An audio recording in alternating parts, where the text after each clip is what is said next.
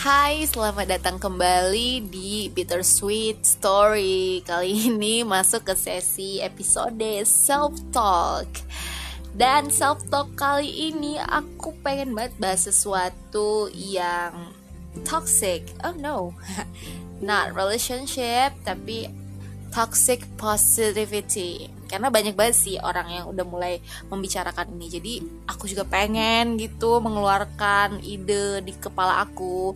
Dan sebenarnya aku dari set si kecil-kecilan aja cilah gaya banget.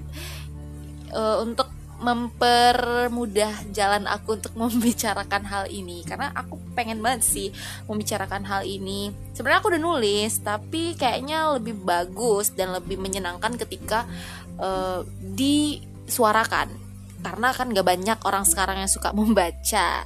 Dan mungkin ini buat teman-teman aku atau uh, kenalan aku yang pengen banget denger tapi nggak mau baca ya bisa denger ini aja gitu. Jadi maksudnya aku itu bisa tersampaikan walaupun ya cuap-cuap kayak gini lah ya.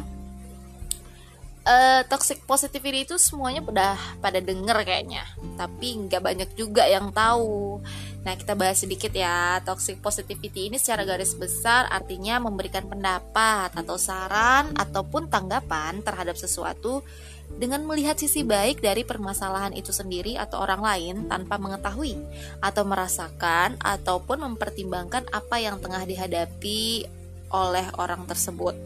Nah, pasti banyak yang bilang kan bagus itu tujuannya kenapa harus dibahas? Gitu kan. Ya gini dengar dulu ya jangan marah-marah dulu. Mendengarkan permasalahan orang lain itu salah satu tugas yang baik sebagai manusia. Karena manusia itu nggak selalu berada di fase terbaik dari hidup mereka.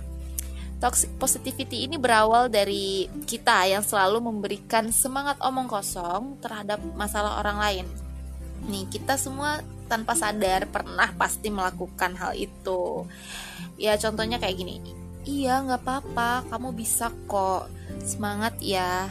Atau yuk bisa yuk. Ah sering banget kan dengar kata-kata kayak gitu. Sebenarnya kalimat penyemangat itu baik-baik aja.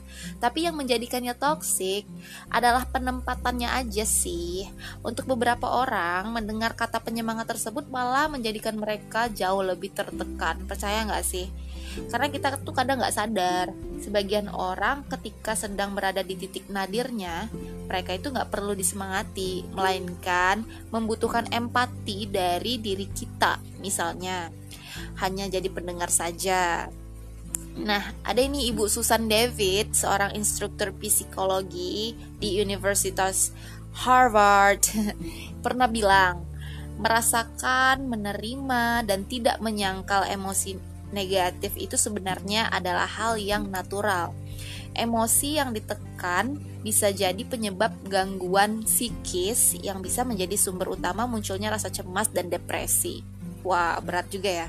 Lalu dokter Jamie Ardian juga ikut berpendapat nih. Dia itu seorang residen psikiatri di RS Muardi Solo pernah menjelaskan setiap orang berhak menunjukkan emosi negatif seperti rasa jijik, sedih, bahagia, ataupun takut. Dan emosi ini tuh punya pesan. Kalau emosi-emosi itu disangkal atau dipendam demi terus terlihat positif dan bahagia di depan orang-orang yang ada emosi negatifnya makin menumpuk. Kemudian bisa memicu stres serta fisik alias psikosomatis. Nah, emosi yang ditekan terus bisa menjadi penyebab gangguan psikis yang paling sering terjadi sih gangguan kecemasan dan depresi tadi. Ini ada dua pendapat dan sama-sama uh, toxic positivity ini menyebabkan gangguan kecemasan dan depresi ya. Jadi kalau aku bahas ini udah mulai paham kan ya penjelasannya. Ya kita kasih contoh deh. Misalnya ada temen yang sedang dalam kondisi tidak baik-baik aja dan ingin mengekspresikan pesan uh, perasaannya maksudku. Sebagai teman, kita itu bisa ubah kalimat kamu kenapa dengan kalimat are you okay atau kamu baik-baik aja kan um, jika mereka mulai merespon empati kita tadi, cukup dengarkan segala emosi yang ditumpahkannya ketika ia sudah selesai dengan ceritanya.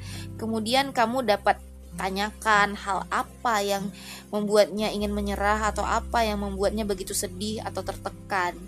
Gak usah buru-buru memberikan tanggapan aduh semangat ya. Kamu pasti bisa kok melewati itu. Stop doing that. Ada kalanya kita tuh bisa kasih respon positif seperti itu. Tapi lihat kondisinya dulu seperti yang udah aku bilang tadi kan. Atau kamu bisa ganti dengan kalimat yang ikut menempatkan diri pada posisinya si kawan tadi. Misalnya kamu bilang ke dia saat setelah mendengar ceritanya dengan jawaban yang lebih deep gitu. Ya wajar sih kamu sedih. Aku juga jika dihadapkan dengan kondisi seperti kamu akan sedih. Nah, itu kan lebih terlihat berempati ya atau dengan kalimat kadang nyerang eh nyerang lagi. nyerah maksud gue. Kadang nyerah itu emang perlu sih, tapi kalau udah nyerah kayak gini, kita ke depannya mau ngapain ya? Nah, kalimat positif itu nggak selamanya menyemangati kan? Mendengar kalimat seperti tadi, kita itu berasa jauh lebih diperhatikan gitu, lebih memperhatikan sih, memberikan empati tadi. Jadi alangkah lebih baik kalimat positif tersebut diramu dalam frasa yang lebih menenangkan, dibantu dengan menjadi pendengar yang baik juga. Nah, setiap masalah itu pasti akan menghasilkan emosi yang berbeda-beda ya. Biarkan aja emosi itu meluap-luap dan keluar dari tubuh kamu. Jika kita menyangkal atau menahan satu emosi aja dalam diri kita ini, ya akan mengakibatkan stres yang berkepanjangan. Gak mau kan? Stres terus, jadi kerjaannya gak bisa fokus gitu dengan melepaskan segala emosi tadi, mental kita tuh jadi akan terbiasa menghadapi situasi yang buruk sekalipun. Jadi kalau kita terbiasa mendengar toxic positivity tadi, jadi jika pun nanti di masa depan kita memiliki masalah yang lebih berat daripada hari ini, kita tuh jadi bingung lagi. Kita menghadapinya itu seperti apa? Karena emosi yang selama ini kita keluarkan itu hanya emosi positif. Nah, Makanya kita belajar toxic positivity agar kita itu terbiasa nih mengeluarkan unek-unek dalam diri kita. Gue sedih gue marah gue kecewa ya ungkapin aja gitu loh. Dan tolong sebagai teman sebagai pendengar iya terima itu terima teman kamu yang lagi hatinya menggebu-gebu ingin cerita dengan mendengarkan semua keluh kesahnya dan tanpa embel-embel yuk bisa yuk kamu pasti bisa no. Kamu pasti bisa. Itu bisa kamu lakuin nanti misalnya teman kamu lagi uh, lomba. Ayo bisa yuk gitu.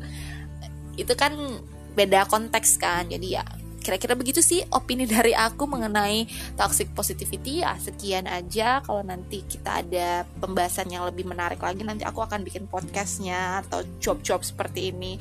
Ya walaupun sedikit bermanfaat setidaknya ada ilmu yang nyangkut di kepala teman-teman ketika mendengar ini. Terima kasih sudah mendengar. Auf Wiedersehen